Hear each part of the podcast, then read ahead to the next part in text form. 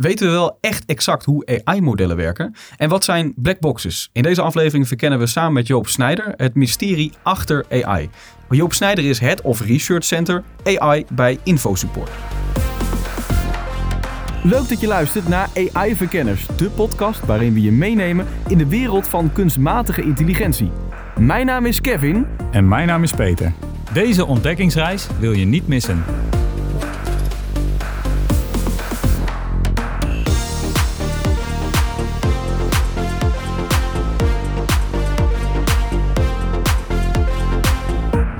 Peter, blackboxes, een ingewikkelde term. Wat Ja. betekent het precies?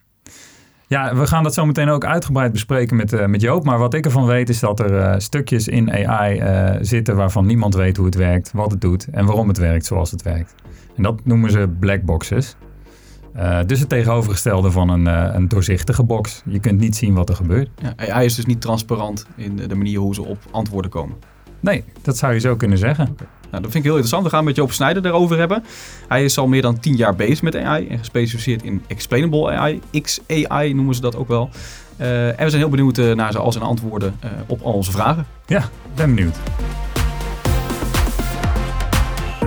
Joop, welkom in de, in de podcast. Fijn dat je hier naartoe wilde komen. Ehm, laten we beginnen. We hebben het net ook al even korter over gehad, maar ik ben ook heel benieuwd naar jouw verhaal. Wat zijn black boxes? Black boxes is een term die gebruikt wordt eh, voor machine learning modellen waar je niet eh, in kan kijken. En dat betekent dat je niet weet hoe ze geredeneerd hebben en eh, waarbij je niet weet waarom die een bepaald antwoord geeft. En is een van die voorbeelden dan bijvoorbeeld ook de toeslagenaffaire of niet?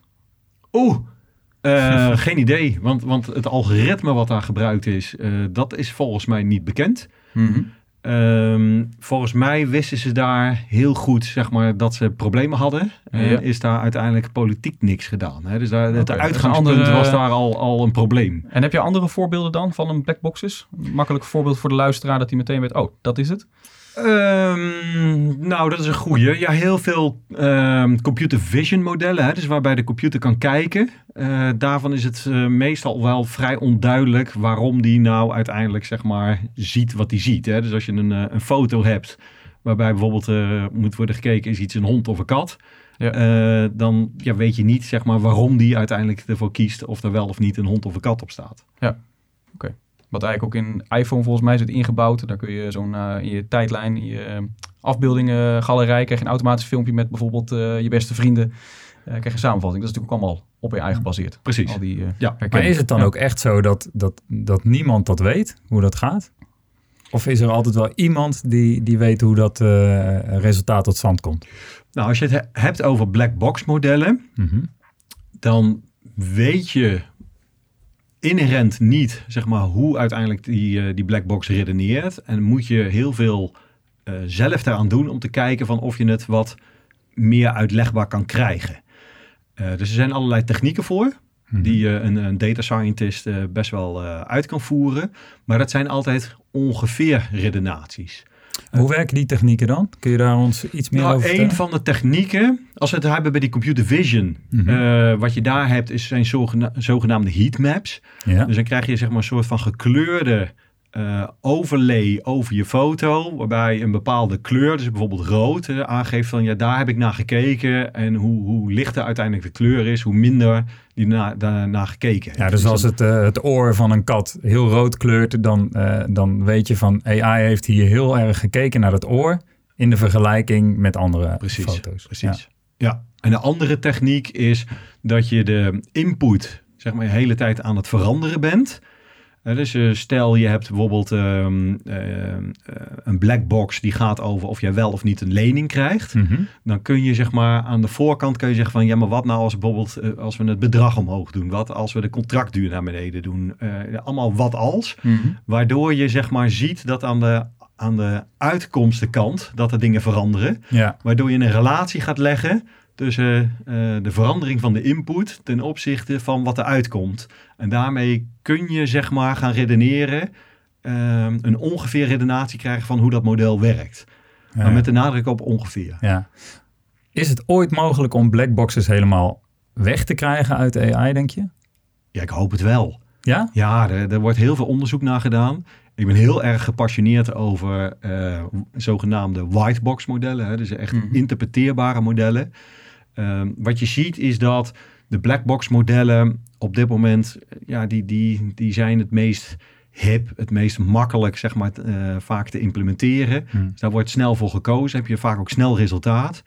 Eh, om daadwerkelijk uitleg te krijgen en een goed uitlegbaar model te krijgen, ja, daar moet je veel meer werk in stoppen. Maar ik denk dat het uiteindelijk veel meer waarde oplevert. En eh, zoals bekende modellen zoals ChatGTP en Midjourney, zijn dat ook, zitten daar ook blackboxes in? Daar zitten zeker black boxes in, ja. Ja. ja. En wat je daar ook nog eens een keer hebt, is dat eh, ChatGPT heeft natuurlijk heel veel data, heel veel gegevens van het, van het web afgehaald. Eh, en ze, die, die gegevens zijn zo, de volume van die gegevens is zo groot, dat bijvoorbeeld OpenAI ook niet precies weet welke data ze hebben en welke data ze gebruiken. En dat is misschien wel een nog groter probleem Ja. dan eh, ja, welk algoritme kies je. Is dat nou whitebox eh, of niet? Eh, is dat een groter probleem Dat je voor niet weet waarop, waarop het is gebaseerd. waarop het is Dus niet getraind? Ja. hoe het is gebaseerd, maar waarop. Ja, ja. Dat wordt ook onder andere in de AI-dilemma. Een documentaire hebben we al eerder besproken in de podcast. Daar wordt volgens mij iets eh, gezegd over een taal die hij heeft geleerd, toch? Of niet? Ja, Dat- Persisch. Hij heeft zichzelf Ja. Persisch aangeleerd. En dan weten ze dus niet dan- hoe.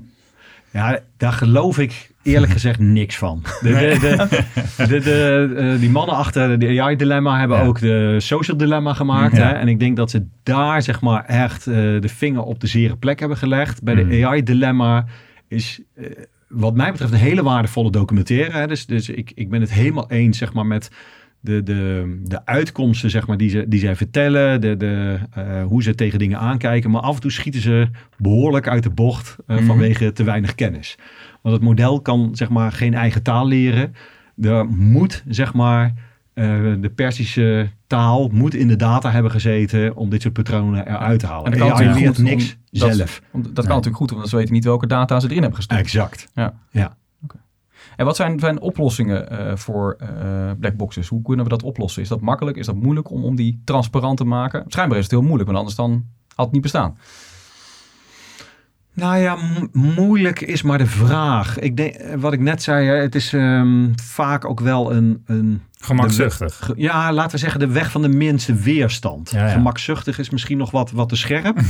ik hou wel van scherp. Mhm. Eh, ik denk dat het eh, de weg van de minste weerstand is. Plus als jij als data scientist op dit moment zoekt, hè, je hebt een bepaald probleem, je wilt het opgelost hebben, dan vind je heel snel de oplossingen in black box modellen. Hè. Ook als je Mhm. erop zoekt van wat zou nou een handig model ervoor zijn, krijg je heel snel black box modellen.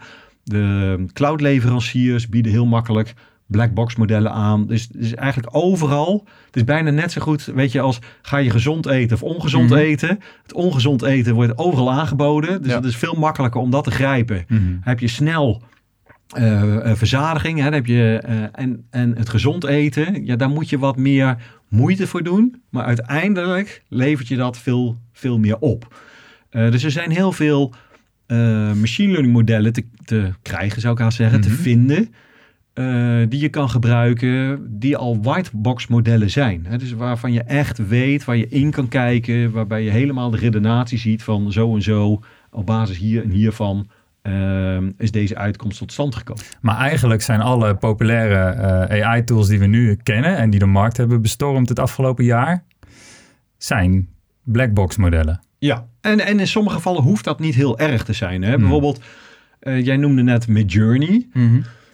Wat je daar aan het doen bent, is tekst omzetten naar plaatjes. Ja. En uiteindelijk, zeg maar, wil je een bepaalde eh, ja, plaatje wat je misschien in je hoofd hebt, eh, wil je er ongeveer uitkrijgen. Ja. En want precies eruit krijgen wat je wil, eh, dat is nog best wel heel erg lastig. Mhm.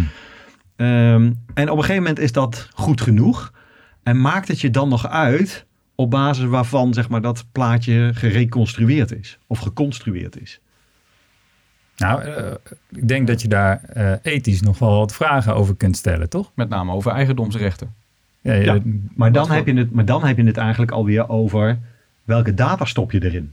En dus het gaat helemaal Ja. niet over hoe eh, redeneert het model. mhm. Dit gaat over, heb je hier eh, eh, auteursgerechtelijk beschermd materiaal gebruikt. Mhm. En dat heeft alles te maken met je dataverzameling en waar heb je op getraind. Dus het is puur een data kwestie, zeg jij. En het is niet zozeer ehm, AI die eh, op zijn eigen houtje eh, dingen gaat verzinnen. Nee, dat Want laatste ze hebben het wel eens over hallucinatie Ja. binnen ChatGPT, dat Ja. hij gewoon eh, dingen verzint. Mhm. Hoe verklaar jij dat? Noem jij dat ook zo of zie je dat echt anders? Nee, het, ja, die term, die daar, die gaat niet meer weg. Ik vind het echt een, verschrikkelijke term, want hallucineren li- lijkt iets van, ook, iets menselijks of zo. hè. Ik on steroids. zeg ja, maar. ja, zoiets. En ook, ja, ik weet niet of, of, of dieren kunnen hallucineren, maar het Ja. heeft iets met, met iets levens te maken, Hmm. toch? De, wat, wat, wat hallucineert. Terwijl wat ChatGPT doet, is ehm, die doet woord voor woord voorspellen eh, wat het volgende woord is. Nou, eigenlijk doet hij token voor token. Hè? Dus er kunnen hele woorden zijn delen van, eh, van Hmm. woorden. Mhm. Maar het gaat erom dat hij woord voor woord eh, voorspelt. Ehm, ik geef heel vaak eh, workshops eh, over dit eh, onderwerp. En een van de dingen die ik dan ehm, als voorbeeld stel, hè, stel we hebben de zin, ehm, ik kom thuis en de hond ligt in de, en dan zeggen jullie? Mand. Mand. Mand. Ja. Precies. Als ik nou de context verander, ik loop op het strand en de hond ligt in de, Zee. Ja, strand, ja, of het strand zou het dan zijn. Maar. Ja, dus Ja. de- ehm, wat je ziet is dus afhankelijk zeg maar, van de context, kan die heel makkelijk of wordt het steeds moeilijker om het volgende woord te voorspellen. Hè? Dus, de hond, dus ik kom thuis, de hond ligt in de... Nou, ik heb echt nog nooit iemand gehad. Ik, ik heb dit voorbeeld heel vaak gebruikt. Zeg maar hele zalen roepen gewoon mand. Ja. Weet je zo. hè. maar wij zaten nu altijd twijfelen tussen zee en strand. Ja, en, en, en je- je kan je nog veel meer in de kuil, weet je. Je Ja. kan van alles en nog wat. En dat is eigenlijk wat ChatGPT doet. Dus die voorspelt welke volgende woorden allemaal gebruikt zouden kunnen worden. En afhankelijk, zeg maar, van hoe groot die kans is, eh, pakt hij of de, de, degene met de hoogste kans... Of, eh, en dat kan je, als je zelf dat programmeert, kan je dat een beetje instellen, dat die Mhm. wat willekeuriger is. Ehm, of als, er, zeg maar, nou, als dat allemaal bij elkaar ligt, zit er een soort van willekeurigheid in. En de ene keer zal die, zal die in, de, eh, in de kuil, in de zee eh, kiezen. Kan, kan die, zeg maar, verschillende, kan het verschillende dingen kiezen. Ja, dus het, het hallucineren is eigenlijk misvoorspellen. Is misvoorspellen, is fouten maken. Ja, Ja, fouten maken. ja. Maar zolang die fouten nog worden gemaakt, is de blackbox nooit weg. Nou, ja, eh, ieder machine learning model maakt fouten. Hm. Want als, we, als je exact een, een ja of een nee uit, een, eh, uit eh, iets wil hebben, eh, kan je beter zeg maar, regelgebaseerd het oplossen. Ehm, de moeilijkheid zit in dat, dat we op een gegeven moment of zoveel data hebben of zoveel regels, dat dat niet meer lukt. En daar gebruiken we AI-systemen voor, AI-oplossingen voor. En dat is altijd een, een modellering van de werkelijkheid. Mhm. Maar de werkelijkheid is natuurlijk nooit volledig in een model te vatten. Dus hij zal altijd fouten maken. Maar de fouten zijn nodig om het beter te doen de volgende keer. Een AI-tool heeft fouten nodig, fouten maken nodig, Ja. om een betere voorspelling te doen de, de, de keer erop. Of is dat niet zo? Eh, nou, in zekere zin. Kijk, en we, we, we denken dat, dat eh, de modellen allemaal, zeg maar, zomaar eh, zelf, zelflerend zijn. Hè, Ja. Dat is een term die, eh, die vaak gebezigd wordt. Maar zo zelflerend is het helemaal niet. Dus je, je- als je data aanbiedt, kan, kan de machine daar patronen uit herkennen. En Mhm. die, die patronen die zetten we in een model. Dat, dat is wel wat hij kan leren. Eh, om het opnieuw iets te leren, moeten we dus opnieuw iets aanbieden. Waarbij we inderdaad, zeg maar, zeker als daar foute antwoorden uitkomen en wij als mens weten, hé, maar dit, dit was eigenlijk, eh, we kunnen die fout verbeteren. Of we zeggen van ja, maar eigenlijk is het, is het goed. Dan kunnen we Ja. dat terugvoeren en moet je, moet je dat mo- model opnieuw gaan trainen. Ja. Maar Oké. dat heeft in principe niks te maken met black box, white box, glass box, wha- whatsoever. Hè, het gaat erom dat, ehm, wat ik net wilde aangeven, is van ieder model maakt fouten. Heb je alleen een, een ehm, krijg je een fout, dan is het wel, wel fijn om te weten, zeg maar, waarom een bepaalde fout gemaakt is. Ja. Want dan kun je er iets mee. Dus is het dan ook zo dat een blackbox die nu bestaat in een AI-tool, ehm, die blackbox is nog wel eh glassbox eh, te maken? Ja, Dus we kunnen dat nog eh, openbaren, zeg maar. We kunnen de blackbox openen en eh, later alsnog met terugwerkende kracht laten zien wat er is Maar gebeurd. dan moeten dat makers dat natuurlijk ook willen. Ja, denk het Ja, wel. dat hoeft niet. Eh, dus ook van een, een, een blackbox model die, die ik zou krijgen. Mhm. Eh, daar kan ik inderdaad een glassbox van, van maken. En dat is wat anders dan een whitebox. Hè. Dus een whitebox kan ik echt in het model kijken. Dan weet ik precies, kan ik, kan ik helemaal de redenatie kan ik volgen. De makkelijkste vorm, om daar even uitleg te geven, is bijvoorbeeld een beslisboom. Mhm. En bij een beslisboom eh, kan ik precies zien zeg maar, op welke punten er een beslissing is genomen. En kan ik zeg maar, van, van boven naar beneden kan ik die besli- beslisboom aflopen. Ja. En zien waarom, eh, waarom die uiteindelijk zeg maar, tot een bepaalde eh, voorspelling is gekomen. Dus als je het over een whitebox hebt, dan heb je het over inzicht in het algoritme dan ook?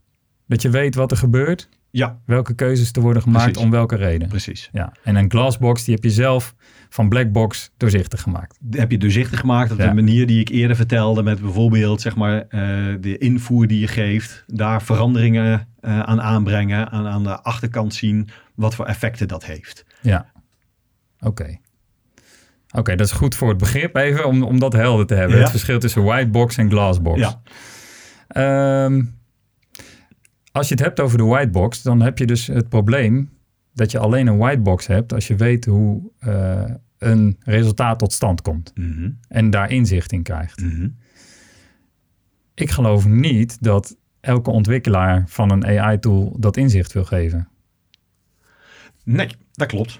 Hoe gaan we daar dan mee om? Eh, Ehm, Wat is een verstandige manier om, om dat inzicht toch te gaan creëren met z'n allen? Want ja, je hebt sowieso al eh, belangenverschillen ehm, grensoverschrijdend. Mhm. De VS zal niet het achterste van zijn tong laten zien aan China bijvoorbeeld. Dat is een, een bekend voorbeeld. Mhm. Hoe gaan we dat dan toch op een verantwoorde manier met elkaar fixen... dat je de beste resultaten krijgt van de AI-tooling die er nu wordt gemaakt? Ehm, ja, dit, dit, dit antwoord eh, heeft wat verschillende lagen, denk ik. Want als je het hebt over. In principe heb je een algoritme, is een manier hoe je berekeningen uitvoert. En die algoritmes worden eh, tot nu toe nog wel behoorlijk gedeeld over de hele wereld. Ehm, een algoritme die je traint met data, die levert een model op. Mhm. Dus eh, da- daar zit een verschil in. Hè? Dus Ja. eh, en, en dat model, daar zit zeg maar hele specifieke kennis in. Want die kennis komt uit die data. Mhm. Dan heb je het over het niveau waarbij dat niet meer allemaal even graag gedeeld wordt. En je kan je voorstellen dat bijvoorbeeld jouw creditcardmaatschappij niet wil delen hoe uiteindelijk zeg maar, eh, je, een, een transactie wel of niet aangemerkt wordt als zijnde frauduleus. Mhm. Want als jij precies weet eh, ja, hoe die Ja, dan kun je ook kan je, frauduleuze Ja, transacties eh, legaal maken. Precies. Ja. Dus, dus je wil dat misschien niet naar buiten, wil je dat eh, eh, duidelijk hebben, maar, maar intern binnen je creditcardmaatschappij zou ik wel heel graag willen weten eh, waarom uiteindelijk een transactie wel of niet als frauduleus is aangemerkt.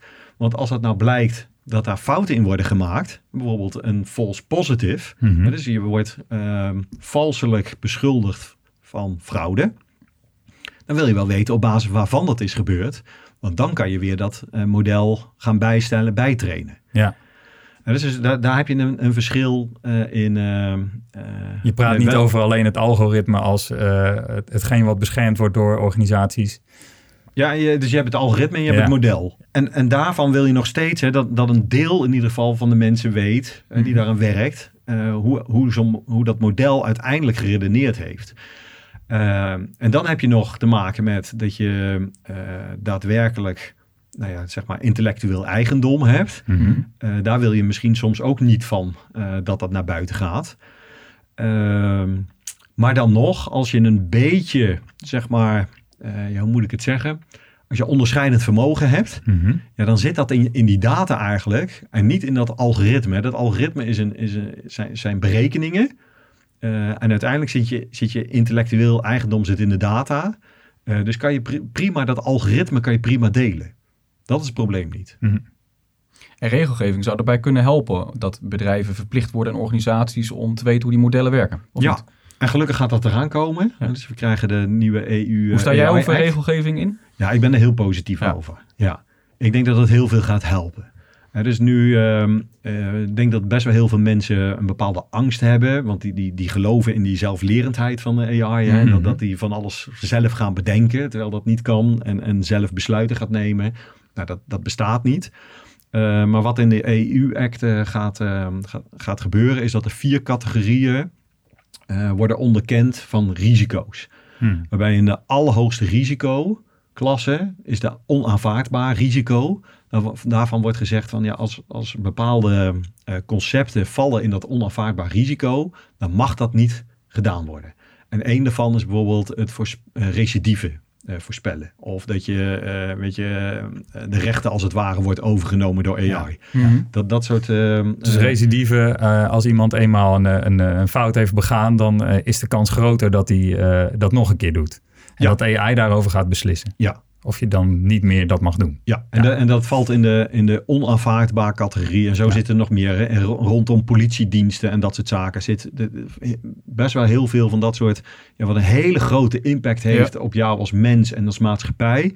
Gaat vallen in die onaanvaardbaar risico. Mhm. En daarmee is het ook gewoon verboden. Het is heel, heel eenvoudig. Mag niet. Nee. Daaronder hebben we het uh, hoogrisico segment. En daar valt kan je je voorstellen, heel veel van de gezondheidszorg gaat erin vallen. Ja. En op dat niveau gaat, gaan zo direct heel veel eisen worden gesteld aan transparantie en uitlegbaarheid.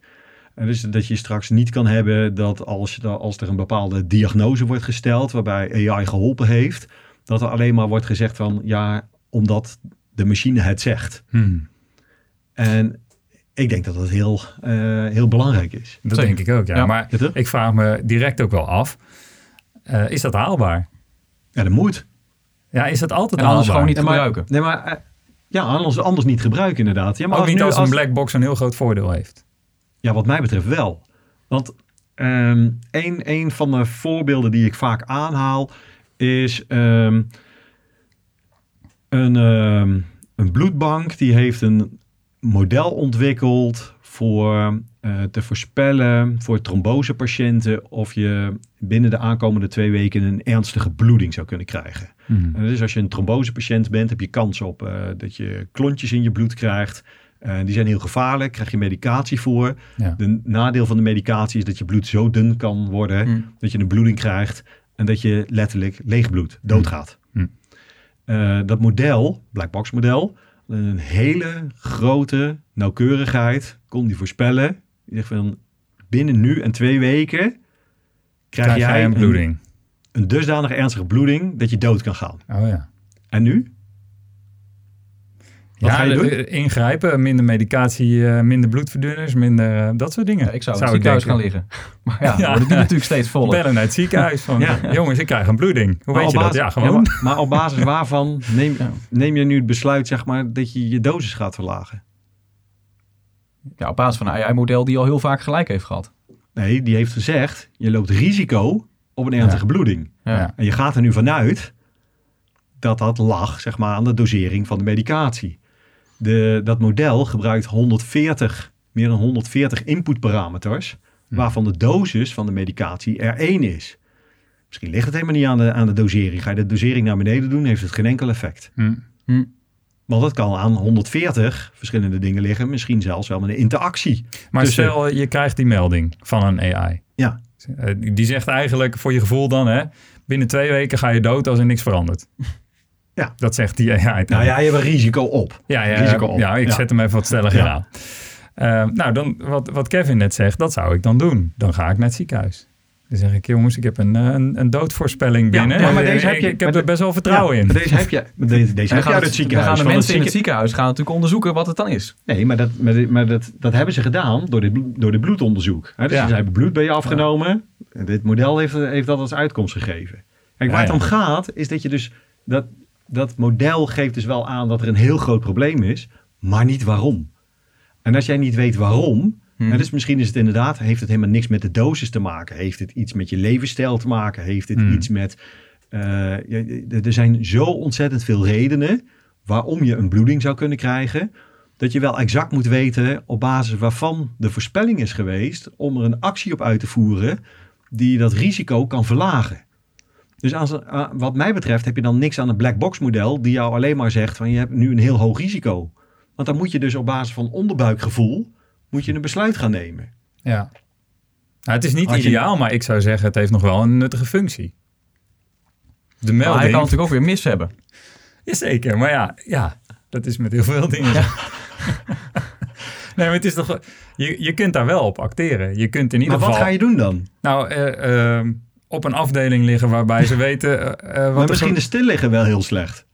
Ja, Dat weet je niet. Dus als weet je- niet, jij weet niet welke actie de beste actie is om Nee. jouw risico te verminderen. maar je gaat dichter bij specialisten zijn... voor het geval dat. Ja, maar, maar, maar dat zou, zouden dan zeg maar een soort van hele heftige maatregelen zijn. Want ze kunnen natuurlijk niet iedereen opnemen waarvan Nee. dit, eh, waarvoor dit geldt. Nee, ik snap je punt. Ik snap Snap je je? punt, ja. Ja. ja. Dus dus in mijn, weet je, als je het he- echt hebt zo direct over dat hoog risico, Mhm. hè, want daar hebben we het over, die hoog risico eh, klasse. Mhm. Eh, daarvan zegt zo direct de wet ook. Daar, ga, daar gaan hele hoge transparantie en uitlegbaarheidseisen aankomen. Ja. En ik denk dat dat terecht is. Eh, daaronder hebben we de laag risico. En, en daar geven ze advies over. Uitleg, transparantie is handig. En daaronder heb je zeg maar de geen risico. Mhm. Eh, Dat zijn en bijvoorbeeld die plaatjes van Midjourney, denk ik dan. plaatje met Journey. Maar je Ja. kan je ook voorstellen je recommendations van Spotify.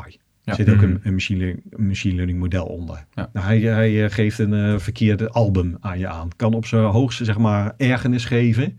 Eh, maar heeft geen impact op Nee. ons dagelijks leven. Of, Google Maps routes, als je een keer verkeerd rijdt, is dat ook niet zo erg. Ja, dus je kan je voorstellen, weet je. En als je het dan hebt over black box modellen, prima. Weet Mhm. je, Eh, en als jij dan als bedrijf zeg maar niet weet of je wel of niet de goede recommendations eh, geeft, eh, nou ja, dan, dan is dat aan je businessmodel of je dat wel of niet zou willen weten. Maak ik me daar niet zo druk over. Nee. Maar hebben we het over zaken die zeg maar van invloed zijn op mij, op de maatschappij, op ons, Mhm. Eh, dan denk ik dat we veel meer moeten kijken naar die whitebox, whitebox modellen. Ja.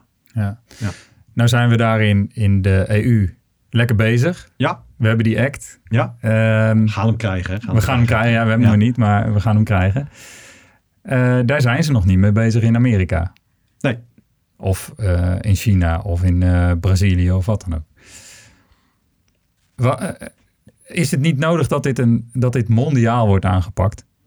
Nou, er is een hele grote kans dat door de invoering van deze wet, dat het ook mondiaal wordt. Je hebt het zogenaamde Brussels effect. Eh, dus die hebben we bijvoorbeeld al gehad met de AVG, de GDPR. Ja. De GDPR is soms strenge wetgeving op het gebied van privacy. Dat als jij productleverancier bent, dat het het handigst is om je aan de meest strikte wetgeving te houden, zodat je je wereldwijd zeg maar, je product kan verkopen. En dus de Microsofts van deze wereld, de Googles van deze wereld, die houden zich aan de GDPR. Mhm. Hoeven ze helemaal niet te doen voor de Amerikaanse wetgeving. Maar Californië wel trouwens. Eh, die heeft ook zo zijn eigen privacywetgeving. Maar eh, beide zorgen er eigenlijk voor, zowel in Californië is ook best wel streng en Europa, dat dat een soort van wereldwijde standaard wordt. En dat gaat waarschijnlijk hier ook gebeuren. Waarbij er trouwens wel een misvatting is over China. Het is niet zo dat in China eh, zomaar alles mag. Het moet alleen wel in lijn liggen, zeg maar, met de, eh, ja, wa- wat, wat de hoge heren, zeg maar, dat, Ja. dat, is het het politbureau of zo? Nee, dat is Ja. Russisch, hè? Eh, ik, ik ben even kwijt Mhm. hoe het in China heet. Ja. Partijen, maar, maar die hebben eigenlijk ook hele strenge eisen aan AI machine learning systemen, want Die willen controle houden. die willen controle Ja. houden.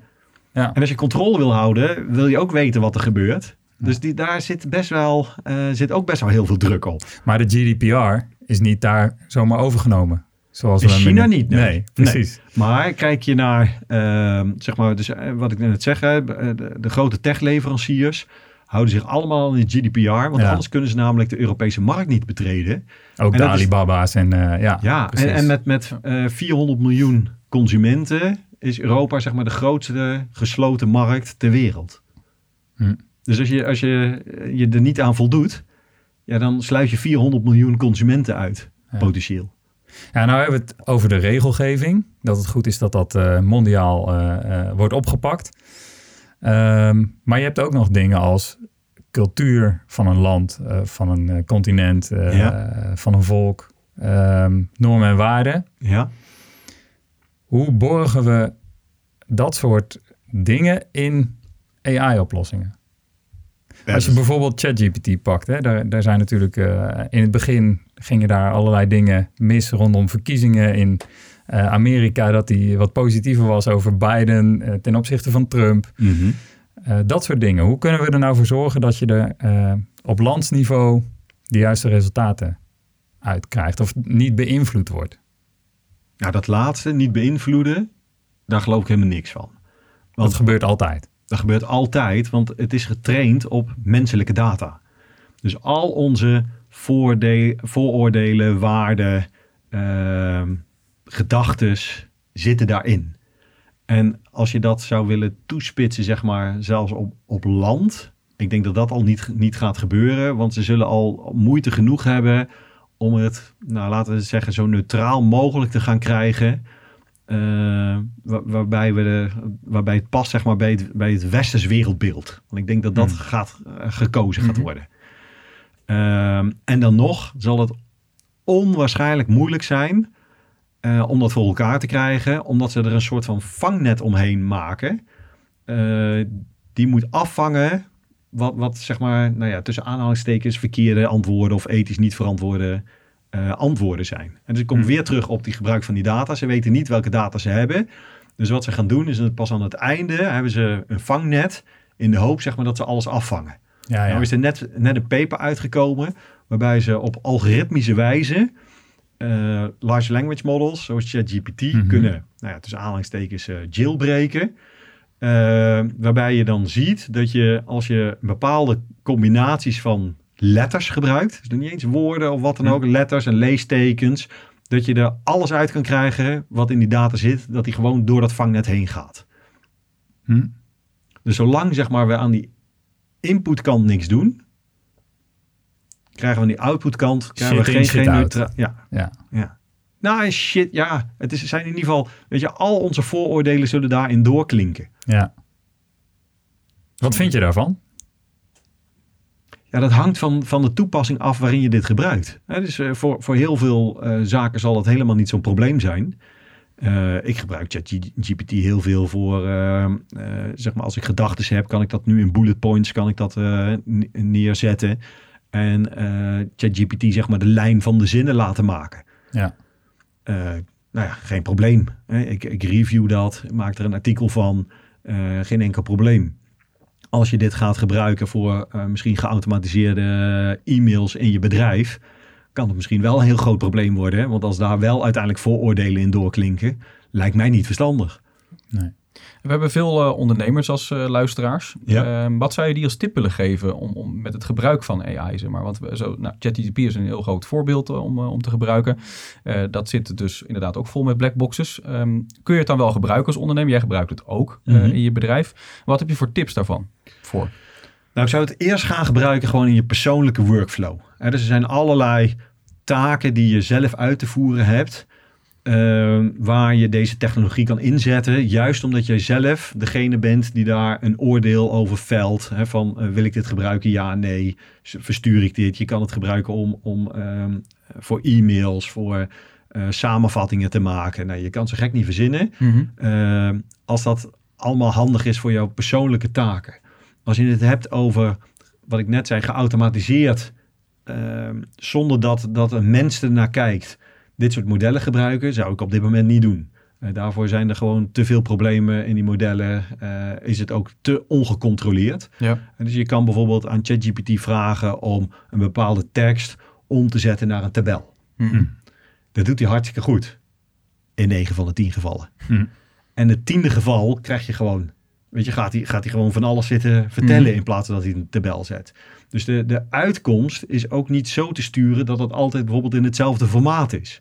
Nee. Dus daar moet je dan bijvoorbeeld ook weer rekening mee houden. Um, OpenAI, maar dat geldt eigenlijk voor al deze... Uh, OpenAI is de bekendste, hè, maar voor mhm. al deze producenten van dit soort modellen... zijn hier zo erg mee bezig dat er, er komt versie op versie op versie...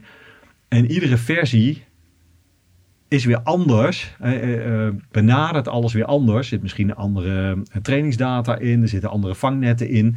Dus als jij een goede prompt hebt, mhm. die, die het op dit moment heel goed doet, die kan het morgen kan die stuk zijn, omdat het model eronder gewijzigd is. Mhm. nou, in, je, in je persoonlijke workflow kan dat ook weer op zijn hoogst ergernis opleveren. En waarbij je er zelf bij van wat je er uiteindelijk mee doet. Als je dit in een geautomatiseerd systeem hebt, eh, ja, dat, eh, dat betekent nogal wat. Want dat betekent dat je daar allemaal testen en validaties tegenaan moet eh, zetten. Om Ja. ervoor te zorgen dat je zeker weet. Je moet dat het opnieuw opbouwen. Moet je het opnieuw opbouwen. Maar je moet het ook eerst detecteren. Hè, als, het, als het geautomatiseerd is. Voor wie brengt de toegepaste AI, kunstmatige intelligentie, voor wie brengt dat het meeste succes in het aankomende jaar? Oh, wauw. Een goede vraag. Wat voor een branche eh, heeft hier het meeste profijt van? Maar ik zou haast zeggen, wel degene zeg maar, die hier gewoon het eerste mee start. Het is, de, het is nog voor heel veel branches, voor heel veel bedrijven is het vrij nieuw. Er is best nog wel heel veel koudwatervrees op dit gebied. Dus als je, als je een concurrentievoordeel zou willen halen, is het gewoon verstandig om nu te starten. En dan is het het handigst om klein te starten, want ook daarmee heb je al concurrentievoordeel. Ehm, en leer je ook, want het is, het is zo'n andere manier van hoe je over data nadenkt, over hoe je over processen nadenkt, dat je dat gaat helpen. Hmm. En hoe eerder je zeg maar die, oh, die switch maakt, Mhm. eh, hoe eerder je op een gegeven moment ook nieuwe eh, optimalisaties in je bedrijf kan, kan pinpointen, kan identificeren. En zeggen van, hé, maar hier kunnen we het voor gebruiken. En dat gaat het dit opleveren. En dat pakken we, pakken we zo en zo aan. Hmm. Of, hé, hey, eigenlijk zouden we dit willen.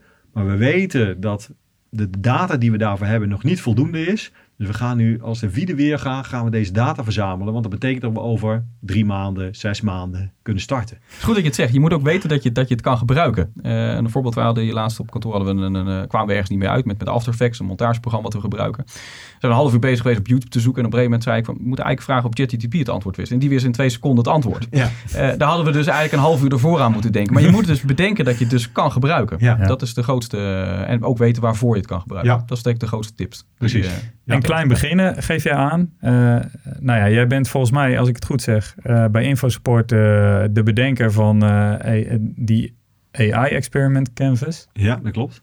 Ehm, kun je ons daar iets meer over vertellen? Want ik denk dat het een raakvlak heeft met het klein beginnen. Ja, dat? zeker. Ja. Ja, dat AI-experiment Canvas hebben wij ontwikkeld omdat er heel veel vragen uit de markt kwamen van ja, ik zou willen beginnen met AI, maar ik weet eigenlijk niet wat nou, wat nou een handig idee is om mee te beginnen. Mhm. Eh, soms hebben de bedrijven hebben ze al, eh, al, al heel veel ideeën en is de vraag welke. Of dat ze zeggen ja, maar we hebben heel veel data en we willen er iets mee. Wat zou handig zijn? Is dit eh, afhankelijk van een bepaalde branche of branches? of, Nee, totaal van alles en nog wat? Ja, ja, sterker nog, ik denk dat ik nu zo'n 35 bedrijven of zo hiermee eh, eh, geholpen heb. Ehm, wat we juist, en die zitten in allerlei, allerlei branches. En die zijn van Hmm. groot tot klein. Eh, het maakt eigenlijk niet uit. Want waar het namelijk om gaat, is dat je het meest waardevolle idee eruit wil zien te halen. Die ook technisch haalbaar is met de, met de stand van de techniek van vandaag de dag. Dus wat we eigenlijk doen met het canvas is eh, van wat wil je bereiken? Eh, en dat vooral zeg maar op bedrijfsniveau. Dus welke impact wil je maken? En dan moet je bedenken denken aan wil ik meer, wil ik een hogere omzet, wil ik een eh, lagere kosten, wil ik een hogere Hmm. klanttevredenheid. En dat, dat pellen we af naar iets wat, wat nog concreter is dan dat ik nu zeg. Eh, dus het kan zijn een, een omzetverhoging. Nee, laat ik bijvoorbeeld heel veel bedrijven hebben te maken met customer support, klantenservice. Ja. Nou, heel veel bedrijven zouden ook zeg maar, bijvoorbeeld het aantal telefoontjes willen verminderen of ehm, de afhandeling van de e-mails. Laten we die eens eh, nemen. Ehm, nou, dan kan je, kan je gaan zeggen van ja, de, de, de hypothese is met de data die we nu hebben, dat we binnen nu en eh, drie maanden het aantal eh, handmatig te beantwoorden e-mails hebben verlaagd met 10%. En dat kan een behoorlijke business case zijn. Nou, vanuit die gedachte gaan we dan het experiment, experiment canvas invullen van wat heb je dan nodig? Wat, Hmm. Waar gaan we op meten? Welke data heb je? Wie worden erbij betrokken? Wat zijn risico's? Wat zijn eventuele showstoppers? Dus als we misschien gaan, eh, zit je tegen de GDPR aan eh, Mhm. en zeg je ja, als, als legal zegt van ja, maar dit, dit, dit kan niet en mag niet, deze data gebruiken, ja, dan kunnen we ook stoppen met het experiment. En dat leggen we van tevoren helemaal vast in het canvas. Hmm. Eh, zodanig dat je binnen, nou laat zeggen, vijf tot tien werkdagen het experiment of je hypothese, dat je die kan valideren of invalideren. En dus oftewel, zeg maar, met, met de metriek die je hebt vastgelegd, zeg van, hebben we die nou wel of niet gehaald aan het eind van die vijf of die tien werkdagen? Dus eigenlijk een soort algoritme, maar dan eh, in de vorm van een canvas. eh, Zeker. Waar je if this then that Ja. eh, een uitkomst uit krijgt. Ja, Ja, zo zou je het wel. Maar die eh, wordt wel menselijk beoordeeld. en Die wordt menselijk helemaal gebruikt. mensen Ja. Het wordt ook door mensen gemaakt. Geen black Het is- boxes, Het, eh. zijn absoluut geen Je kunt jou alles vragen erover. Ja. Ja. leuk. Maar ehm, de, nog even terugkomend op de vraag van eh, wie, wie gaat het meest succes hebben in het aankomende jaar eh, als het aankomt op eh, kunstmatige intelligentie. Dan zeg je de early adapters, dus de Ja. mensen die er nu instappen en nu een, een toepassing vinden die, eh, die goed past.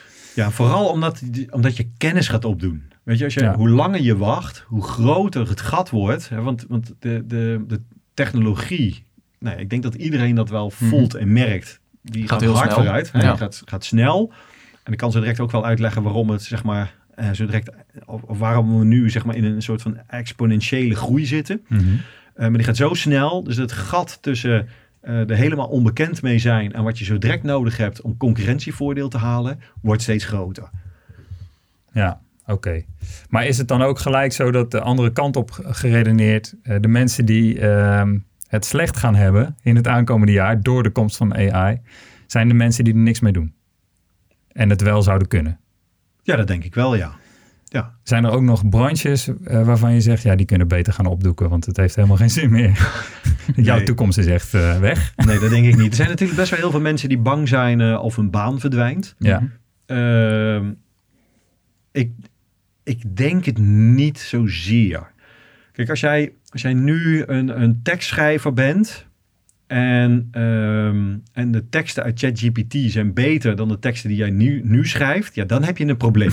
ja, En, en jij, je, je, je lacht, maar Ja. eh, zeg maar binnen, eh, nou ja, laat ik zeggen, wij, wij maken nog wel eens gebruik van tekstschrijvers. En van een, van een aantal eh, ben ik geneigd, zeg maar, om dan de ChatGPT te halen.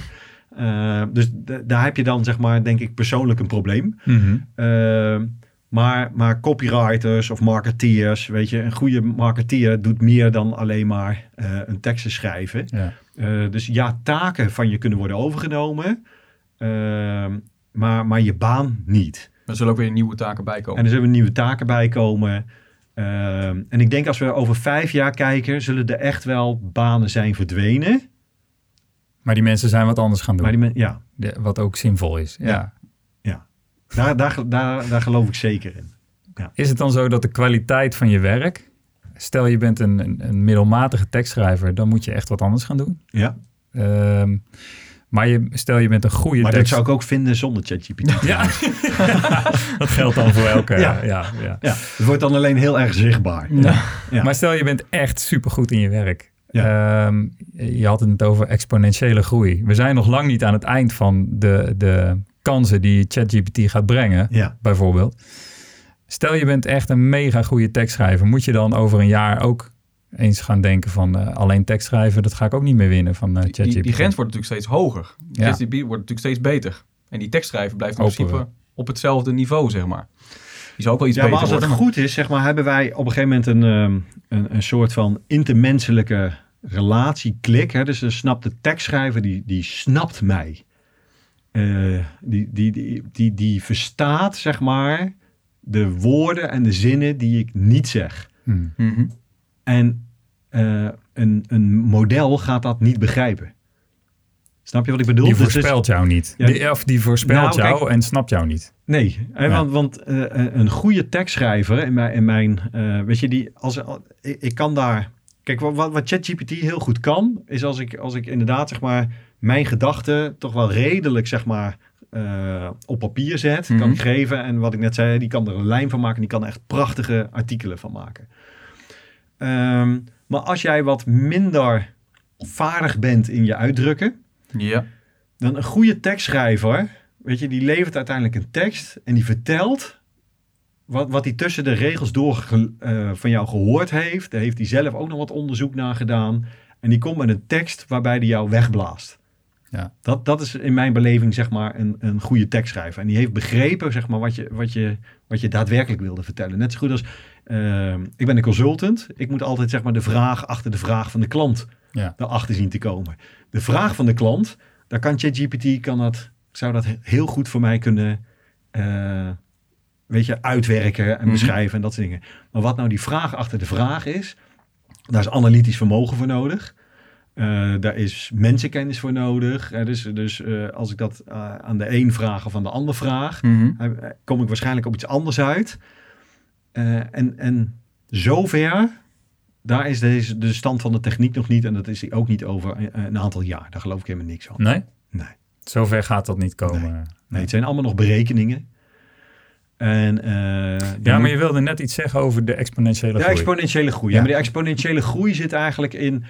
ehm, tot, tot nu toe waren de, alle onderzoekslijnen, hè, dus in de wetenschap, die waren vrij... eh, waren echt wel silo's. Hè? Dus je had mensen die hielden zich bezig met computer vision. Eh, eh, hielden mensen zich bezig met, eh, met audiospraak, eh, met tekst. Ehm, en, en zo had je, heb je allerlei zeg maar, verschillende eh, Mhm. zaken Mhm. door de komst van die large language models zien we in één keer zeg maar bijna alles als een vorm van taal. En als je iets kan uitdrukken in een taal, dan helpt dus zo'n large language model je ergens mee. Dus wat je ziet is in de wetenschap, is dat zeg maar al deze eh, disciplines bij elkaar komen en veel aan hetzelfde nu aan het werken zijn. Dus in Mhm. plaats van dat, dat wetenschap, Mhm. zeg maar, alle research plaatsvindt in silo's, gaat het veel meer naar één. En daardoor zie je, zeg maar, ook die exponentiële groei. Ja, ja. Dus de, dus de mensen die er echt verstand van hebben binnen een bepaald vakgebied, die gaan nu eindelijk samenwerken. Exact. ja. Ja. Ja. En dat geeft die exponentiële groei. En die ge- ja, Ja. absoluut. En daar zit ja. op een gegeven moment dan ook weer een stop op, of niet? Ja, daar ga ik wel vanuit. Ja. Ja. Het gaat niet oneindig door. Nee, maar, maar waar dat moment zal zijn, dat, dat weet ik niet. Nee. Ehm, maar waar wel, zeg maar, een soort van, van eind op is, is dat dit is... Het is dus mensen zijn heel vaak geneigd om eh, vanuit de fantasie, zeg maar, geprikkeld hè, van, van die zelflerende AI en, Ja. en eh, die beslissingen gaan nemen, die, die, die van alles en nog wat gaat doen. Eh, op dit moment zitten we, zeg maar, met, de, met nou ja, tussen aanhalingstekens de beperking van dat het allemaal uitgerekende wiskundige formules zijn.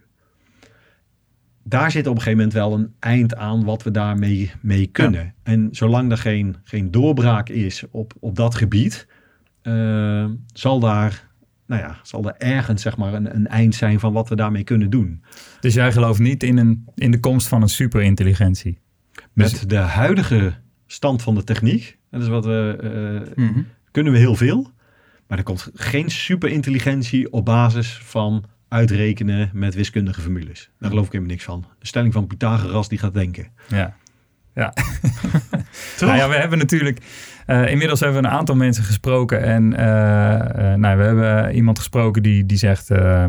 let op, ehm, we moeten echt actie ondernemen... want anders dan vergaat de wereld. Ja. En Nou, misschien wel, maar niet door AI. nee, nou ja, dat Zal door de mens zelf zijn? Ja, precies. Maar ehm, eh, je hebt ook mensen die zeggen: ja, dit, dit, is, dit is al buiten onze macht. We hebben er al geen invloed meer op. En Nee. beide, beide scenario's, die, die- daar moet jij een beetje om lachen. Ja. Eh, ja. Ja, ja, Ja. absoluut. Ja. Want, ja, kijk, wa- alles is, eh, zeg maar, al die, ook die hele grote modellen, zijn allemaal gebaseerd op eh, neurale netwerken. En neurale netwerken, daar hebben we misschien allemaal wel eens een plaatje van gezien. Hè? Dan Mhm. heb je allemaal van die bolletjes. Van die streepjes bolletjes ertussen. en de streepjes ertussen. En, Ja. dat, ehm, eh, en, daar komt, en die laatste bolletjes zijn je antwoorden. Hè? Daar, daar komt uit hond, kat. Mhm. Oftewel een 0 of een 1. Want dat is eigenlijk wat hij doet. Hè? Hij weet niet eens wat een hond of een kat is. Eh, eh, uiteindelijk is het een rekensom. Waar iets van een, een 0 betekent een hond, 1 betekent kat. En als Ja. je eh 27.000 objecten kan herkennen, doet hij dat dus van 1 tot 27.000. Komt een getalletje uit. Wij zeggen dan van, oh ja, dat, is, Hm. dat betekent dit. In ieder van, van dat bolletje, in zo'n neuraal netwerk, Mhm. zit een hele eenvoudige wiskundige formule. Wat je vroeger hebt moeten uitrekenen bij wiskunde. eh, 2x plus 6 is 10 bijvoorbeeld. Hm. Moest je uitrekenen. Mhm. Nou, dat is eigenlijk wat hij, wat hij constant heeft uitgerekend. Dus het wordt een hele, hele, hele lange wiskundige formule. Die uiteindelijk uitrekent dat als ik ergens een plaatje in stop, wat ook weer getalletjes zijn, dat er een 0 of een 1 uitkomt. Nou, dat gaat nooit een superintelligentie worden. Het zijn reken- rekensommetjes. maar dat doen onze hersenen ook.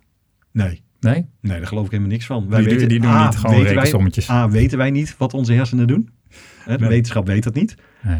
Eh, en volgens Wij hebben ook mij... blackboxes. Ja, maar en volgens mij weet je, bestaan wij uit allerlei... eh, onze hersenen weet je, zijn, zijn eh, beïnvloed met, met hormonen. En, en dat dat is zo'n complex proces... Ja. dat, dat mensen die zeggen dat een neuraal netwerk zeg maar, het model is van onze hersenen... Ja, het is wel, wel een heel, heel, heel, heel vereenvoudigd model van onze hersenen. Ja. En als we dan even, ik, ik snap het plaatje vergelijken met een hond of een kat. Dat is een bekend voorbeeld, die snap ik. Ik heb hier een vraag staan, die heb ik gesteld aan ChatGPT. En daar vond ik het antwoord toch wel, ik denk, hoe weet hij dat? Ik zit op een stoel met drie poten, midden in de wildernis. En er komt een bever aanlopen en die ziet mijn stoel aan voor een boom. Mhm. Ik vraag, wat gebeurt er? Nou, hij, wat een mens ook zou antwoorden, de bever die knaagt die eh, poot weg en die stoel valt om. Hoe weet hij dat antwoord dan? Is het ook, hoe kan dat gebaseerd zijn op een berekening, op een wiskundig model? Dat is een goede vraag. Dit, dit, dit zijn zinsconstructies die, die, heel vaak, eh, die heel vaak zijn voorgekomen. Ja.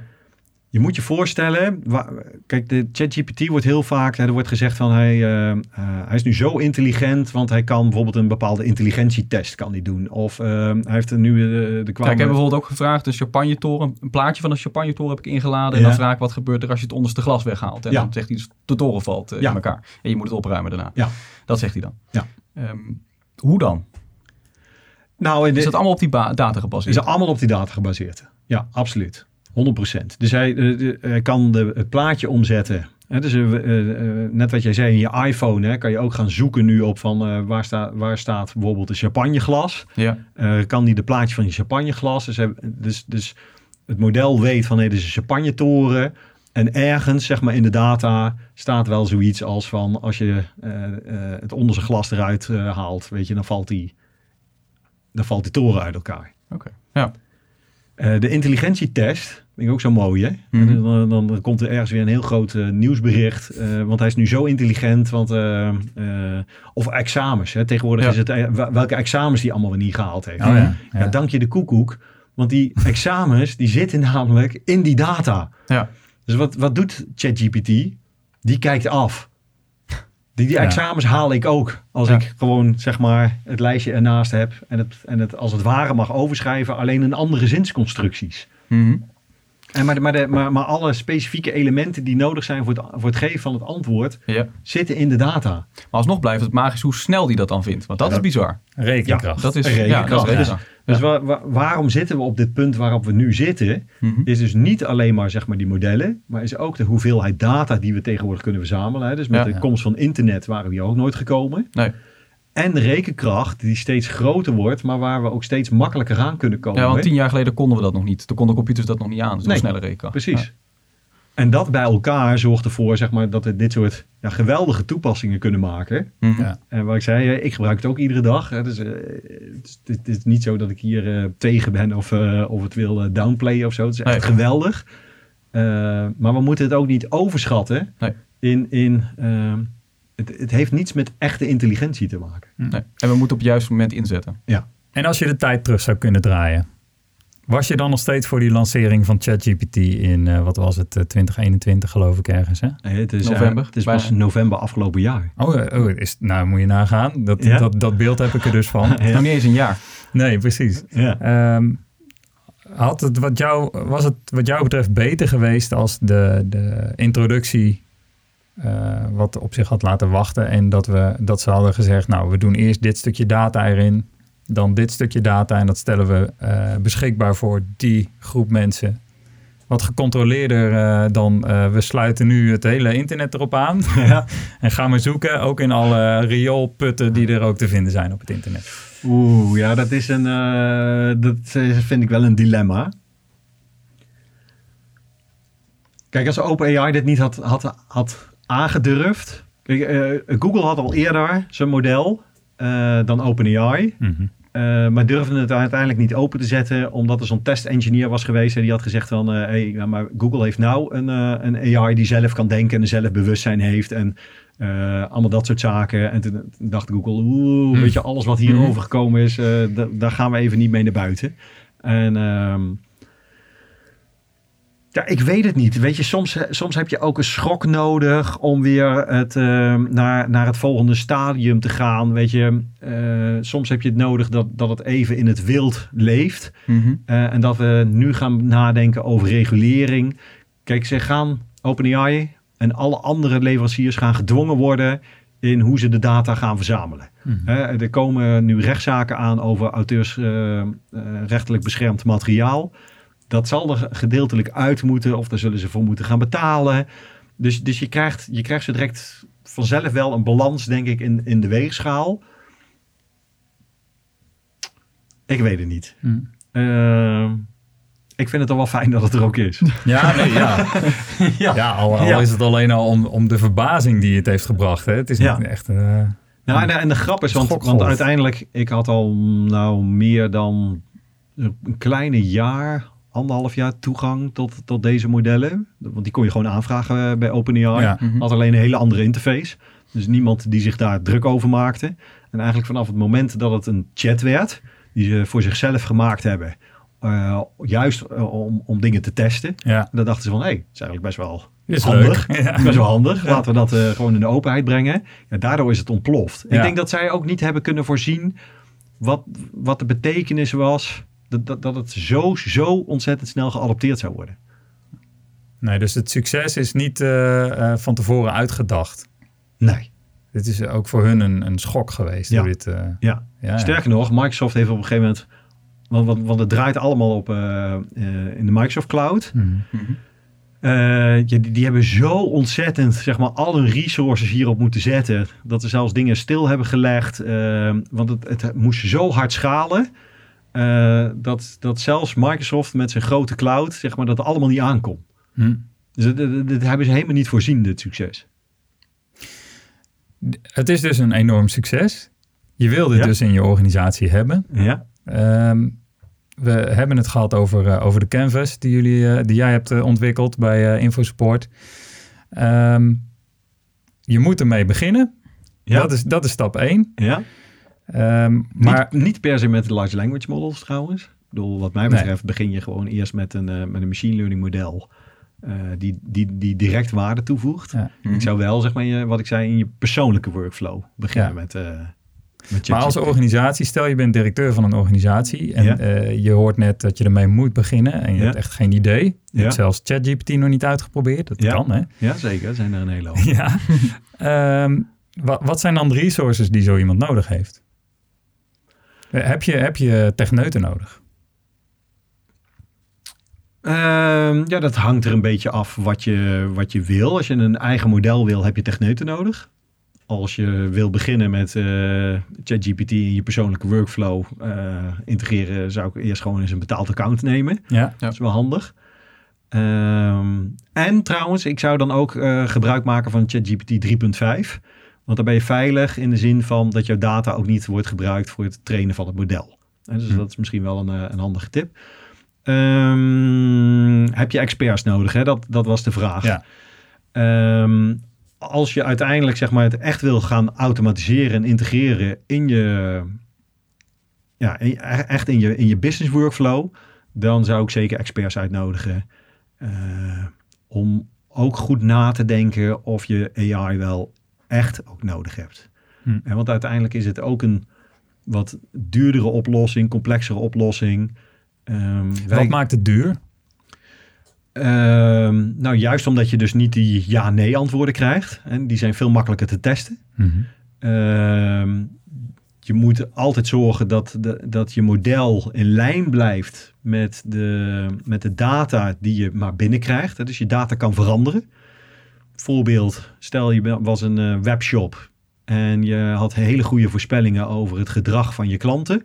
Eh, en in één keer werd het 2019 en we Mhm. kregen een, eh, een wereldwijde pandemie. ja, dat model, zeg maar, ja, dat werkt daar niet meer. Nee. Nou, en dat, dat was een hele duidelijke knik, hè? dus die konden we met z'n allen zien. Maar wat je in de praktijk ziet, is dat zeg maar, je model en de werkelijkheid heel langzaam van elkaar kunnen afdrijven. Eh, en als je dat niet detecteert, ja, dan, dan doet je model straks iets heel anders dan, dan wat jij zou willen. Mhm. Eh, nou ja, daar heb je wel experts voor nodig om te zorgen dat je dat, eh, dat, dat goed gemonitord is. En en dat, dat, dat soort dingen allemaal in place zijn. Hè? Dus, Ja. dus dat, dat- die experts hoeven dat niet te monitoren, maar dat je een waarschuwing krijgt van hey, dit loopt, dit loopt van elkaar af. Is het verstandig als een webshop-eigenaar zelf plugins uit zijn eh, gebruikte eh, webshop CMS pakt en zegt: hier zit een beetje AI in, ik zet hem er maar in zonder dat hij er al te veel verstand van heeft? Ja, dat hangt van het risico af ehm, van, van fouten die, de, die, die zo'n plugin kan maken. Hoe erg vind je dat? En als dat niet zo erg is, kan je dat gebruiken. Mhm. En als je zegt van, ehm, eh, laten we het voorbeeld nemen van dat gedrag van die klanten. Dus als hij een, een foute voorspelling doet of, ehm, of de klanten de aankoop gaat doen, ja of nee. Als je dat niet zo erg vindt, dat die fout gemaakt wordt, nou, dan kan je die plugin gebruiken. Wil je daar steeds beter en duidelijker op optimaliseren, ja, dan heb je experts nodig die echt met jouw data aan de slag gaan en het steeds nauwkeuriger maken. Maar het kan geen kwaad. Je, ze hoeven niet, je hoeft niet angstig naar AI-tools te Oh kijken. nee, dat zou ik zeker niet doen. Nee? Nee. Er zijn zeker geen zo- AI-tools op de markt momenteel eh, waarvan je zegt, nou, discutabel. Moet je dat wel willen? Nou ja, er zijn, kijk, er zijn heel veel tools die, die pretenderen dat ze eh, AI zijn. Of, of een heel dun laagje, zeg Mhm. maar, eh, over ChatGPT. Af en toe dan struikel je erover. Ja. ChatGPT hebben. Ja, ja, dan kan je nog wel eens te veel betalen hè, voor Mhm. wat je uiteindelijk krijgt. Ja. Ja. Maar ik zou veel meer nadenken over wat nou als, als zo'n model niet het juiste antwoord geeft. Hoe erg is dat voor je? Daar moet je over nadenken.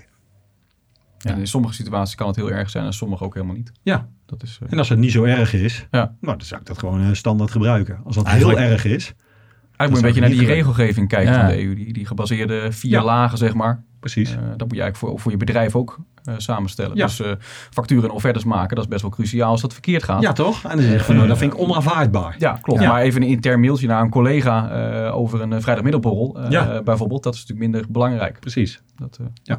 Ja, helder.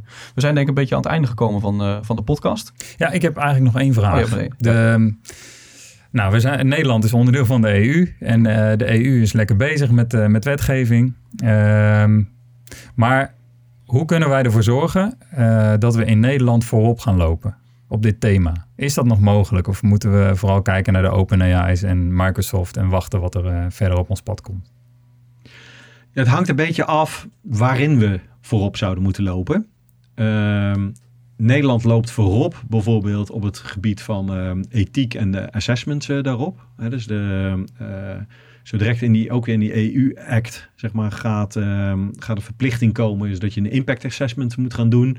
op eh, wat het voor de mensenrechten en ons persoonlijk Mhm. betekent. Nou, die zijn hier in Nederland ontwikkeld, worden ook al door onze overheid gebruikt... en die worden zo direct bijvoorbeeld de Europese standaard. Hm. Als het goed is. Ehm, kijk je naar de technologiekant... eh, ja, dan gaat het uiteindelijk veel meer over het delen in de wetenschap. En ik denk dat onze universiteiten het best wel heel erg goed doen op dit gebied. Ehm, maar de techbedrijven, ja, die lopen voor in, in het maken van die grote modellen. Maar daar ook zie je een kentering in van dat er al best wel heel hele goede open source varianten zijn. Eh, en die worden door mensen wereldwijd gemaakt. En dan maakt het eigenlijk niet meer zoveel uit, weet je, is dat nou Europees, is dat nou Amerikaans? En dat betekent dat wij eh, keuzemogelijkheden gaan krijgen. En ik denk dat dat belangrijker is dan dat je als land wel of niet voorop loopt. Mhm. Is dat een beetje, eh, ja, het is, eh, Ja, het is misschien wat nee, abstract. Maar... de- we moeten toe naar een open source oplossing ook. Nou, niet per se, maar ik denk dat dat het mooi in, in balans houdt. Hè? Dus Ja. stel dat, dat een OpenAI zeg maar één richting op gaat, en Mhm. waarvan wij als, als bedrijven of maatschappij zeggen van ja, maar dat, die vinden wij niet wenselijk. Dan is het heel fijn om een open source variant te hebben, want dan kan daarvoor worden gekozen en daarmee dwing je zeg maar een techbedrijf wel weer om eh, andere keuzes te maken. Ja, Want uiteindelijk hebben die gewoon producten te leveren aan bedrijven, consumenten. ja precies. Helder. Helder. Dan zijn we nu wel aan het einde gekomen van de podcast. Ehm, in de volgende aflevering hebben we Benny Mols als gast. Hij is eh, wetenschapsjournalist eh, en specialist in eh, AI, bekend. Zeker. Hij komt bij ons ook in de podcast. Oh, kijk, goed. Leuk. Hij is auteur van Slim, Slimmer, Slimst, het boekje. Heb je eventueel een vraag voor hem? Ik ben wel benieuwd of die, ehm, of die ook een, tijdens het schrijven van zijn boeken Large Language Models gebruikt heeft. Dat vind ik een, eh, Dat is een dat hele is goede vind ik vraag. een leuke vraag. Dat gaan we zeker vragen aan hem. Kijken of hij daar eerlijk antwoord op gaat Ja. geven. Volgende week weten we het antwoord. Eh, in de vorige aflevering hadden we Wabé Rezik als gast. En hij had voor jou de vraag. bedrijven zoals OpenAI, hè, moederbedrijf van ChatGPT, die weten heel goed hoe ze dat model hebben getraind. Maar eigenlijk kunnen ze ook niet 100% uitleggen hoe zo'n model nu precies tot een antwoord komt. Uh, dus ik denk een uitdaging voor de toekomst is hoe zorgen we ervoor dat, dat, dat dit soort modellen toch wel uit te leggen zijn. Dus explainable zijn. Ja, dus hoe, hoe zou je daar in de toekomst voor kunnen zorgen? Want dat is echt nu een, eh, hele grote uitdaging. Ik ben benieuwd wat, uh, ja, wat hij daarop te, op te zeggen heeft. Nou, we hebben het er inderdaad al eh, kort over gehad. Hè? Of misschien wel eens wat langer dan kort. Uh, wat je wel ziet is dat, uh, dat er nu modellen, taalmodellen ontwikkeld worden. Uh, eentje, ik ben even de naam kwijt. Volgens mij was het Palm 2 van Hugging Face. Mm-hmm. En die, uh, wat, die combineert zeg maar, zoekalgoritmes samen met de Large Language Model. Waardoor die wel aangeeft van dit, dit zijn de bronnen die ik gebruikt heb voor het geven van, van, van de geschreven tekst. Dus dat, dat geeft een, een, een hint, zeg maar, ja. van in ieder geval wat, wat er als inputdata gebruikt is. Weten we daarmee het zeker? Nee. Uh, maar dat geeft misschien iets meer zekerheid uh, van welke teksten gebruikt zijn. Je weet in ieder geval de data, je weet alleen nog niet hoe. Precies. Dat is de, dat is de volgende stap. Ja. En blackboxes uh, terugbrengen naar, naar of, of eigenlijk optimaliseren naar glassboxes. Ja, en dat zal voor large language models uh, nog een uh, flinke uitdaging zijn. Ja. Ik denk dat daar de wetenschap, uh, nou ja, zijn tanden voorlopig op kan stuk bijten. Ja. Nou. Dankjewel. Dankjewel voor je komst, Joop. Ja, graag gedaan. Dank voor het luisteren naar de podcast AI Verkenners. Deze podcast wordt mede mogelijk gemaakt door videoproductiebedrijf Van Ei naar Kip. En Better. Digitale innovatie voor de wereld van morgen. Wil je geen aflevering missen? Volg deze podcast dan op je favoriete podcastkanaal. Meer weten? Ga naar aiverkenners.nl.